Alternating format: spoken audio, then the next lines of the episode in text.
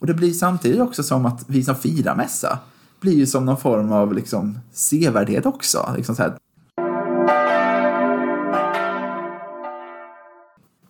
Vi vill ju flytta som vi vill. Vi vill ju ha kanelbullens dag när vi vill ha den. Eller julafton vill vi kunna fira från oktober vill ju vissa.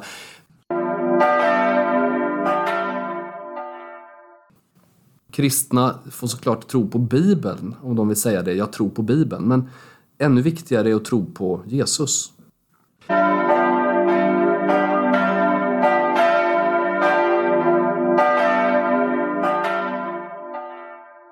Hjärtinnerligt välkomna till det 27 avsnittet av Lillhällsmål. Här sitter Jim Lagerlöf och även Linus Forsberg. i ditt kök.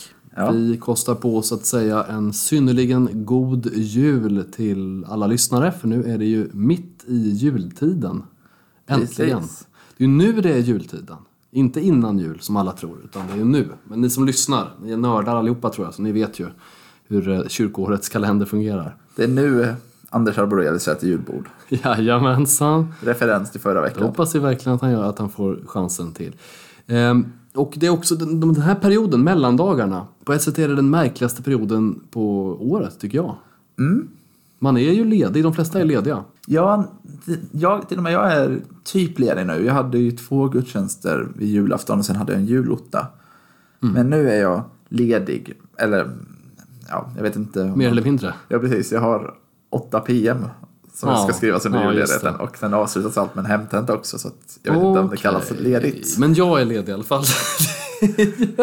ja, jag, jag pratade med min fru om det förra året. att eh, Den här perioden är så liksom märklig. Den, den bara, det är liksom så okej mellan dagarna att typ bara gå omkring i pyjamas en hel dag. Pyjamas och morgonrock. Äta pizza, äta gammal julmat som finns kvar.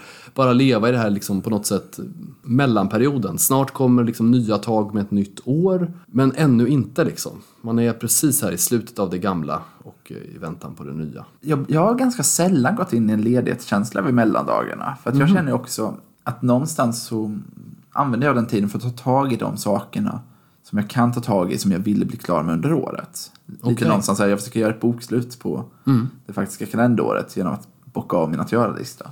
Hmm. Så att jag är väldigt produktiv i mellandagarna. Jag förstår. Det, nej, det är ju inte jag då. Utan jag snarare, visst man besöker släkten gör man. Och man har olika fika. Man går liksom från fikabord till fikabord lite grann så tycker jag Oh, ja. Och massor av människor som har liksom, av någon anledning så åt de inte upp all knäck på julafton.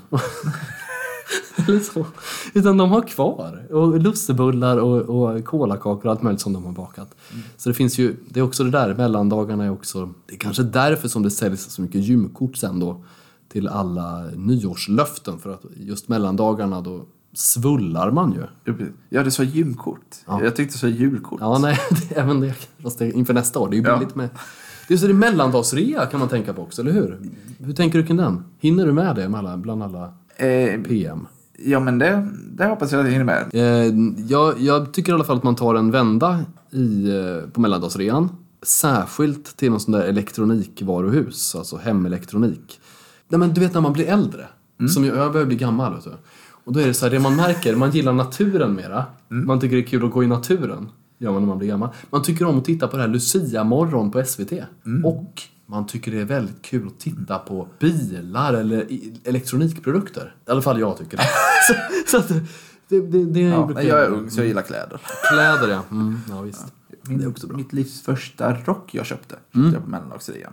Mm, Och det, det är lite spännande det här med rea helt plötsligt. Att så här, ena dagen är ett eh, klädesplagg, säg rocken, värderas till 1500 kronor. En hypotetisk summa. Sen nästa dag, då var den värd 500 kronor. Vad hände med rocken under natten? Som verkligen. drog bort en tusenlapp Verkligen, verkligen. Det är precis Det som hände ju ingenting egentligen. Vi har bara bestämt det. Ja. det Ekonomi, en social konstruktion. Jo men verkligen. Och det blir så påtagligt vid rea. Det är så mycket en social konstruktion. Ja. Nej, men och, det, och då ser man också kontrasten till till exempel då Jesus. Som är densamme igår, idag och evighet. Som, Amen. som man brukar säga. Och även människovärdet. Det, även om man brukar ibland säga att människovärdet har minskat i vår, i vår tid, i vår kultur. Att vi ser ibland dem som handelsvaror och så. Men det är inte så. Även om vi ser det så. Det är inte så. Alla människor har samma värdighet från början till slut. Och det, det är någonting att upptäcka för oss människor. Eh, återupptäcka för vissa. Mm. Precis. Det är inte mellandagsrea på människor. Nej, det, det kan det ju vara. Tyvärr kan det ju vara det. Men i verkligheten Nej, så nej, funkar det inte. Nej, Nej. exakt. Eh, nej, exakt. Eh, och det är en viktig sak. Blir, I Guds rike finns det ingen mellandagsrea på själarna. Väldigt Faktiskt. viktig sak. Det låter lite töntigt kanske att säga så, men det, det kanske är viktigt att påpeka det. Jag tänker det är bra att vi börjar så här mysigt, för jag har ju flaggat för dig i och med att jag kommer vara arg i det här avsnittet. Ja, du sa det när jag kom in här till dig i ditt väldigt trevliga kök. Då sa du det att... Eh, du sa- du sa det med, med glädje tyckte jag, att du, hade, du planerade att bli upprörd. Så man är ju nyfiken. Vad, vad ska ni läsa för någonting söndagen efter nyår? Jo, precis.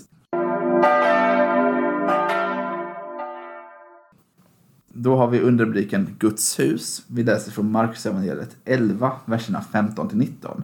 Och det är här när Jesus rensar templet och skanderar att det här som ska vara bönens hus har ni gjort till ett rövarnäste. Och många som jag hör reflektera över den här texten blir lite förvånade över, men, blir Jesus arg? Kan Gud bli arg? Varför, Jesus som ska vara så förlåtande och förstående, varför blir Jesus arg? Jag går åt helt andra hållet här. Jag tycker, varför gör vi saker som gör Jesus arg? För att vi gör det här än idag. Det är nu jag kommer gå igång. Du kör. veta. För att kyrkan, säger Jesus här, även om Jesus står templet kyrkan, ska vara ett bönens hus. Ja. Är kyrkan ett bönens hus idag? Nej, på många platser tycker jag inte att det har blivit det. Jag eh, förstår, om vi börjar, och här, det här kommer jag rikta känga mot alla, men kanske minst mot katolska kyrkan. Så grattis till er. Svenska kyrkan kommer få en känga här och även frikyrkorna. Så att, håll i hatten. Jag håller i hatten. Nej, men om vi börjar med att kolla här, Uppsala domkyrka, där vi befinner oss, som jag ofta går till. Rikshelgedomen. Ja, men precis. Där finns det ett rikt gudstjänstliv. Men det är också mycket, det är också samtidigt parallellt ett museum. Det kommer många turister dit, inte bara till skattkammaren utan till själva kyrkorummet där det finns gravar, gamla klenoder, allting som folk vill kolla på. Och jag tycker att det är jätte, jättemärkligt att man när det pågår mässa tillåter att det fortfarande är museiverksamhet. För jag förstår att man inte kan liksom ta bort allt det här. Även om jag i någon form av vad ska man säga, ideologisk värld skulle vilja ha ett kyrkorum som bara får vara kyrkorum och inte ses som ett museum. Ja. Men jag, men jag har varit på många mässor i, i koren där det också går runt folk. Liksom, så här. Man hör liksom bilder från liksom folk, eller ljud från folk som tar bilder med mobilkameror. Folk som pratar i telefon utanför när de går runt och vi sitter och firar mässa. Och det tycker jag att det här är jättemärkligt. Eller jag, jag ser det dels problematiskt teologiskt, att när vi ska sitta här och fira gemenskapens måltid. Visst, vissa kommer inte vara med av de som är i kyrkan för att de har liksom en ordinerad uppgift. Att de ska liksom stå i liksom entrén, de ska liksom välkomna. Men alla andra vill jag på något sätt ska vara med. Sen när man tar emot mässan, välsignelsen, det, det är inte det jag går in på här. Men man ska vara med. Det blir jättekonstigt om folk bara susar runt och inte är med i tillbedjan, inte är med i, i mässan utan tar bilder på gravar. Och det blir samtidigt också som att vi som firar mässa blir ju som någon form av liksom sevärdhet också. Liksom så här, först kollar de på en grav och sen så är det koror. Där sitter vi, här är en kristna och visar så här firar vi vår religion och vi blir en sevärdhet. Det tycker jag är jättemärkligt. I Stockholms domkyrka, där får man inte komma in gratis om man inte tillhör domkyrkoförsamlingen, om det inte är gudstjänst. Där tar de betalt för att gå in i kyrkan. Det tycker jag är helt barockt om jag ska vara sån. Jag förstår som sagt att man tar betalt för skattkammaren, för den är ändå, då åker man ändå upp till ett annat plan. Och där är det liksom bara skatterna. Men att gå in i kyrkan, Det kan ju vara en ekonomisk fråga för dem då. Att eh, ja, men, eh, det kostar pengar att renovera kyrkan. Det kan man argumentera för. Men Jesus säger samtidigt att det här ska vara bönens hus. Och det finns så mycket annat. Jag har inga problem för att man tar inträde om de gör en särskild konsert till exempel. Jag, vet, jag hörde någonstans att julkonserterna var, jag men, nu ska jag inte säga procentsatsen, men det var verkligen en betydande del av hela deras årsbudget. Det har jag inga problem med, för det är liksom inte över. Men att bara få gå in i kyrkan, det ska de inte ta betalt för. Utan som kristen ska man kunna få gå in där och gå dit och be. Ibland, eh, i alla fall när man har turistat i, i länder med stora katedraler, ibland kan de ju ha det så att eh, vi måste ta betalt för att kunna underhålla. Det finns inga så att säga, skattesubventionerade system och så vidare. Eh, Men du, det finns alltid då ett kapell som här får man komma in för att tillbe Gud. Och om du vill gå och titta på arkitekturen eller vad det nu är, då får du betala. Det, det har jag varit med om på massor av platser i Europa. För att det, även om katolska kyrkan i Sverige sällan har det så som du beskriver att det, det är de här äldre kyrkorna i Svenska kyrkan, alltså katolska, olika, alltså olika domkyrkor eller så, som ju kan ha ett muse, musealt värde för vissa personer. Så finns det ju, samma station finns det ju, exakt samma station finns det ju i Frankrike eller Spanien eller vad du vill, där man, men där man tyvärr då, och det är jag jätteledsen för, man river ju kyrkor därför att nu går det inte längre människor hit och eh, vi har inte råd. I Sverige har vi fortfarande råd att ha kyrkorna stående. Ja. Men låt säga en 20-årsperiod bort, hur är det då? Då kanske det inte ens är så att alla kyrkor får stå kvar längre. Så det här är ju, jag tycker det är en, ett allvarligt ämne du tar upp. Eh, Alltså, varför får man betala ibland?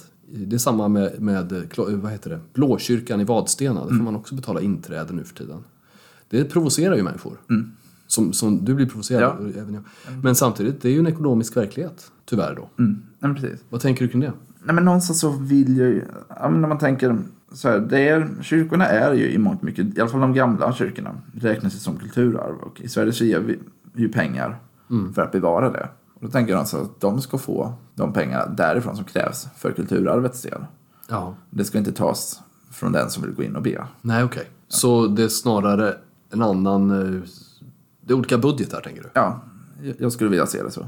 Det måste alltid finnas rum för den som vill be i en kyrka. Ja. ja. Den andra delen, och det är här som kärringen kommer komma lite till katolska kyrkan Ja, ja, också. du var inte klar med din nej. Nej. Men väldigt, nej, nej jag, jag har två delar kvar. Kör. Men det är också väldigt mycket om Svenska kyrkan. Ja, ja, ja. Det är de moderna kyrkorna där man byggde ihop kyrka och församlingshem. Oj, vad jag har svårt för det här. Jag förstår, jag förstår det goda i att men vi samlas och vi samlas på Mm. samma plats. Men samtidigt, om någon då går in i kyrkorummet, vi kanske sitter där i tystnad, tänder ett ljus, ska be, så sitter det sen ett gäng bara några meter bort och fikar, sjunger, skrockar.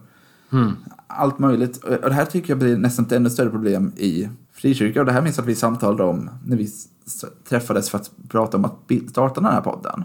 Okej. Om att, men det många så här väldigt moderna frikyrkor. Där man slänger in allting i kyrkan. Det liksom finns ett litet gudstjänstrum. Men sen har man ett gym, man har kanske en liksom simbassäng. Och inte, icke upp ibland med dopbassängen utan en faktisk simbassäng. Man har liksom konserter, ibland kanske det är lovsånger. Men sen kan det vara lite andra konserter också för att man har en fin konsertlokal. Och att liksom kyrkan blir inte det primära. Någonstans så här, jag ställer mig frågan, är inte Jesus god nog? Det är som Jesus säger, det här ska ju vara ett bönens hus. Ni har gjort det till ett rövarnäste. Jag säger inte att de här sakerna som folk gör är av ondo. Det är jättebra att träna, det berikar jättemycket att gå på konserter och allt det. Men jag tycker inte det ska ske i eller precis bredvid kyrkorummet. Utan man måste kunna få gå till kyrkorummet och när det inte är gudstjänstmässa ska det kunna få vara lite tyst där. Man ska kunna få sätta sig där i tystnad och be. Utan att ha en stereo som dunkar för att det sitter några och har spinningpass bredvid. Verkligen. Nej, men där, jag tror att det har att göra med teologi kring kyrkorummet. Att du, du och även jag då, eh, så brukar det ju vara, vi håller med varandra. Men jag tror att vi har en, en syn på att det, behö- att det invigda rummet har en särskild betydelse. Och det kanske inte alla tänker. Många kanske tänker, men vadå, jag kan ju lika gärna be till Gud i skogen eller i vardagsrummet eller, eller var som helst. Ja, men det är någonting speciellt med att man har vikt ett rum särskilt för bön.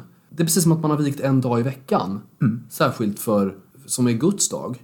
Och jag tror att vi, vi vill ju inte ha det så. Vi vill ju flytta som vi vill. Vi vill ju ha kanelbullens dag när vi vill ha den. Eller julafton vill vi kunna fira från oktober vill ju vissa. Och, liksom, eh, och sådär. Så att, eh, men, men eh, det, där, det var en kompis till mig som skrev det igår i något sammanhang att precis som att demokrati det är ingenting som man kan ta för givet utan det måste varje generation liksom själva erövra och förstå sig på. Så är det också med vissa traditioner. Att man, att man uppfattar att det finns, här är ett heligt rum. Eh, som är ett, det är skillnad på ett kyrkorum och en, en konserthall. Vad är den skillnaden? Ja, den sitter ju inte i ryggmärgen på oss utan det måste ju människor få lära sig om. Att se fördelarna med att se livet så, som att det finns olika rum att gå in i. Eh, som har olika kvaliteter. Inte som är bättre och sämre utan som är olika. Ja, och jag tror att här kan jag också vara kanske färgad av hur, hur min liksom, barndomsbild av kyrkan är. För det har vi just, vi har ett, en kyrka och sen har vi ett församlingshem och de ligger kanske 50-100 meter från varandra. I församlingshemmet, där sker det massa saker som inte är liksom andakter. Det finns, det liksom finns ungdomsaktiviteter, syverksamhet, liksom allt det där. Och det tycker jag är jätte, jättebra. Men jag tycker också att det är jättebra att det inte sker inne i kyrkan. Utan dit kan folk gå för att sätta sig och ha sin stund med Gud. Som är liksom i tystnad, man tänder ljus, man ber. Alla de delarna. Och det tycker jag är helt okej. Jag är inte emot att kyrkan gör de här sakerna nödvändigtvis. Nej. Men det får inte sätta kyrkorummet, det får inte sätta gudstjänsten, det får inte sätta tillbedjan, det får inte sätta Jesus ur spel. Nej men verkligen. Man, jag minns ju samtalet som jag hade när jag jobbade som, som präst på olika ställen att man pratade mycket om att de här stora gamla kyrkorna är ju så dyra och kostar mycket i drift att man måste tänka mer så här, sälja församlingshem och, och me- ha mer verksamhet i kyrkorna. Och det är klart att den här aspekten som du tar upp då att det kanske kostar då att man faktiskt att kyrkorummet blir mer utav ett vardagsrum. Och det är klart, vad tänker man om det? Några människor tycker väl det är härligt och skönt. Medan andra tycker att rummet förlorar sin karaktär. Ja, precis. Och jag, där tillhör den sistnämnda.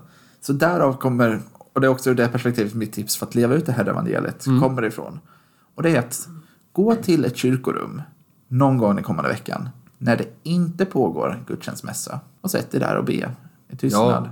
Tänd ett Ja. ljus. Sätt dig i ett ja, tomt kyrkorum.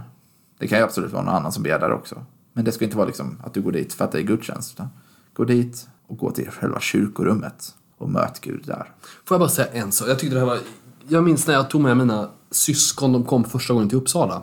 Min familj, mina syskon, när jag hade flyttat hit för att plugga. Eh, Uppsala domkyrka var ju såklart, det är ju en kyrka, men det är ju, har ju verkligen karaktären av museum i väldigt hög grad. Och jag, när vi kom dit så ville jag verkligen visa mina syskon. Kolla här finns Gustav Vasas grav och här finns det här koret och den här grejen. Titta på det här, titta på det där. Men de, mina, mina syskon är ju inte troende. Det de gjorde när de kom in, det var att de satte sig längst bak i kyrkan och bara tittade och häpnade inför rummets särskilda karaktär. Wow! Och när jag liksom ville springa vidare, för det där rummet har jag ju sett hundra gånger. Då, nej, vänta. Vänta en liten stund. Vi vill bara sitta här. Och en sak till. Ehm, jag tänker mycket på, för jag tycker det är ett av de bästa tipsen jag har hört eh, fr- från dig eh, Linus, för jag tycker att det har gett mig så mycket, särskilt under min studietid. Jag gick nästan alltid förbi en kyrka på vägen hem från eh, plugget och så satt jag där och bad rosenkransen gjorde jag ju ofta, eller bad något annat. Och liksom samlade ihop hela dagen på något sätt i bön. Att, så att eh, gå till en kyrka när det inte är gudstjänst, det kan betyda väldigt mycket. Nu är det ju så att många kyrkor i vårt land inte alltid har öppet längre. Det är också en sån sak som har förändrats. Men eh, om du bor i en stad så är det ju ofta öppet i kyrkan. Så gå dit. Okej, det, var, det var ord och inga visor eh, från, från dig Linus. Nu- Ja, ibland måste jag få vara lite bestämd. Och här har jag ett stark uppfattning. Det var som jag också sa till dig, så här, jag läste den här texten, tänkte fem sekunder, så visste jag exakt vad jag ville prata om. ja. Jag har aldrig varit så tidsmässigt oförberedd på ett ämne som det här. Nej, men du hade ändå en hel del att säga. Eh, Nu blir det lite mer eh, religionsfilosofi tror jag, när vi går vidare till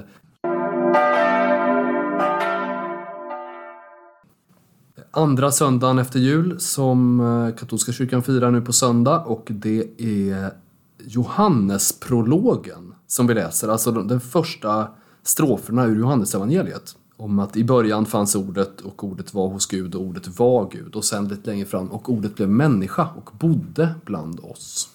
Eh, Jag kan säga så här, den texten läses vid två tillfällen i katolska kyrkan i kyrkåret och det, det är dels nu då, men det är också på juldagens morgon. För man upplever verkligen den här texten som ett julevangelium. Det handlar om Gud som blir människa. För mig, att läsa när jag var ny i tron för eh, 15 år sedan någonting och att läsa de här orden och förstå vad, vad det stod, det öppnade många stängda dörrar. Eh, Det står ju att ordet har blivit människa. Och jag tyckte att det var väldigt problematiskt när jag började närma mig kristendomen hur vad människor, vad somliga kristna tänkte och sa om Guds ord. För i min värld var det uppenbart så att allting i Guds ord inte kunde tolkas bokst- som bokstavligt sant eller historiskt sant. Utan att det krävdes en tolkning. Och då var det skönt för mig att förstå att ordet i dess egentliga bemärkelse, logos på grekiska, det är inte det skrivna ordet, utan det är Jesus. Guds logos, Guds ordning, Guds logik, Guds princip har blivit människa. Inte Guds nedskrivna ord har inte blivit människa, utan den, den gudomliga principen med vilket världen skapats. Guds varande, Guds kärlek, eh, Guds frid, Guds glädje, allt det där har förkroppsligats och blivit människa. Så det som i Gamla Testamentet inte riktigt kunde fångas med ord, det kunde fångas i Jesus människokropp. I hans kropp, där fångas Guds budskap till oss och Guds varande in. Och det är det Gudsordet som är 100% sant. Eh, på alla sätt och vis. Och det är det Gudsordet som vi behöver tro på. Alltså Jesus själv. Det var en väldigt viktig erfarenhet som jag gjorde. Att eh, förstå att det är Jesus som är Guds ord. Och inte, alltså kristna får såklart tro på Bibeln om de vill säga det. Jag tror på Bibeln. Men ännu viktigare är att tro på Jesus. Som fanns före all tid. Och som är liksom upphovet. Det är ju inte, vi tror ju inte på Jesus för att det står om honom i Bibeln. Utan vi tror på Bibelns berättelser för att vi litar på Jesus och hans lärjungar. Eh, Och det är, det är faktiskt en viktig sak. Det är klart att jag kan säga att Guds ord är heligt och annorlunda och avskilt och att det verkligen är Guds ord, att Bibeln är det. Men ännu mer än Bibeln är Guds ord så är Jesus det. Eh, Och det där, det där behöver man liksom ha med sig. Att om man inte hittar Jesus när man läser i Bibeln, då behöver man fortsätta leta. Om man läser en text som man tycker är svår eller obegriplig, då får man faktiskt eh, tänka, var är Jesus i den här texten? Eller hur läste Jesus den här texten? Eh, Så mitt råd till dig som lyssnar och till alla troende, det är ju att när du läser i din egen bibel hemma och när du inte då har tillgång till någon präst eller någon annan som kan undervisa, eh, då är det viktigt att be om två saker. Be att den helige Ande är med i bibelläsningen och be att du ska hitta Jesus. Eh, För annars så är det ingen idé att läsa i Bibeln, om jag får säga det så krasst. Om du läser i Bibeln och inte hittar Jesus, då, är det, då var det meningslöst att läsa. Eller om du läser i Bibeln och inte är vägledd av Guds ande, ja, då kan det sluta hur som helst. Det finns så många sammanhang som har sagt så här, nu har vi äntligen förstått vad Bibeln egentligen säger och så har det ballat ur fullständigt på både det ena eller det andra sättet. Så Jesus måste vara med och Guds ande som, om någon, det, det är samma ande som har väglett kyrkan, måste vara med i bibelläsningen. Annars så blir bibelläsningen bara din egen eh, liksom utflykt. Och då, då är det som att läsa eh, vilken bok som helst på biblioteket. Eller liksom, då blir det inte andlig läsning längre, utan då blir det bara... Och det, det kan ju vara intressant att läsa Bibeln av andra skäl också än att få ut någonting andligt sett. Men om du vill läsa Bibeln som en gudstjänst, alltså för att lära känna Gud bättre, då måste du göra det i den treenige Gudens gemenskap och i kyrkans gemenskap. Så glöm inte det. Det där tror jag är ett jätteviktigt råd också för de som håller andakter som predikar. Och där minns jag faktiskt att ja, det är en av de sakerna du har hjälpt mig mest med Jim, ska man faktiskt ändå säga. Att när jag gjorde min antagning för präst, att bli prästkandidat i Växjö stift så skulle jag skriva min eh, första predikan under den här liksom, en praktikantkurs som det kallas, där vi skulle rusta oss inför vår praktik. Jag skrev en predikan, jag tyckte att den hade blivit ändå ganska bra. Många, de som hörde den tyckte, men, vilken fin predikan. Och så, fick jag, så skickade jag också över den till dig. Du skrev ju så här, men så här, väldigt bra grejer, så här, du lyfter fina, liksom, bra saker. Men du glömmer att peka på liksom, hur det här hör ihop med Jesus. Och du ifrågasatte egentligen kanske inte det jag sa. Men just att jag inte synliggjorde den kopplingen. Och det har jag tänkt på sedan dess. Så att varje gång tar jag just med det här. Och det kändes så skönt att jag också får med det så tidigt. Jag har ibland varit på ja, men predik, liksom gudstjänster och hört predikningar från folk som varit präster många år. Och det jag just känner den känslan som du pekar på redan där. Så här, jättebra grejer. Absolut inga, liksom, inga heresier eller så. Men man synliggör inte hur hör det här ihop med Jesus. Har man utbildningen, då förstår man kopplingen. Jo. Men, men ibland behöver vi också peka väldigt tydligt på var är Jesus i det här? Jo, här var Jesus i det här. Och det var jag väldigt tacksam över att du redan vid min första predikan gav som feedback. Tack för att du säger det. Alltså, jag minns inte precis eh, det. Eh, Jag, jag litar på dig. Däremot så, jag har ju hört väldigt, väldigt många predikningar, det har säkert du också gjort. Man, man gör ju det när man finns i kyrkans sammanhang. Så man, man bör ju lära sig vad man, vad man själv uppskattar och så. Och jag, jag, det är som du säger, må, många präster och predikanter, ibland så tar de vissa saker så för givna att de tycker att det här behöver vi inte säga. För alla vet det, eller, eller det är så självklart. Men det är inte alls säkert att det är så. Eh, särskilt inte i vår kultur, i vår tid. Massor av människor känner ju inte till sammanhanget. Jag predikar ju inte längre, jag är ju inte någon som predikar numera. Men, men det jag uppskattar hos den som predikar, det är ändå att den ibland påminner om självklarheterna. Eh, återvänder till, så att säga, det som, det som jag tror att det är Johan, i, i eh, Uppenbarelseboken så, så påminns eh, någon av församlingarna som får det här brevet om att återvänd till den första kärleken. Alltså vi måste komma ihåg ibland, vad, vad var det som gjorde att vi själva hamnade här? Det kan nämligen vara det som tänder gnistan också hos andra. Om vi tar det för mycket för givet, då kanske vi glömmer att prata om det. Nej, men göra lite som, det är ju biskop Andreas Holmberg i Stockholm, han har ju som sitt biskopsvalspråk Jesus är grejen. Det är, ju, Är, han, är det hans valspråk? eller, eller, eller om det är val, eller han kommer tillbaka till det i alla fall. Han säger ofta det. Jo, precis. Ja, ja, just det. Han kanske, eller han kanske valde en annan, men, men det är det han i alla fall säger att han vill koppla sin biskopsgärning till.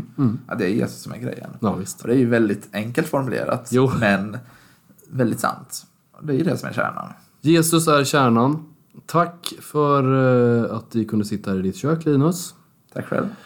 Tack till alla er som lyssnar. Glöm inte att eh, prenumerera och gilla alla våra inlägg i sociala medier så att fler får höra om det här fantastiska eh, projektet Lillhelgsmål där vi läser varandras evangelier och pratar om det tillsammans. Vi hörs! Det gör vi. Gott nytt år kanske man ska säga lite i förväg också. Jo,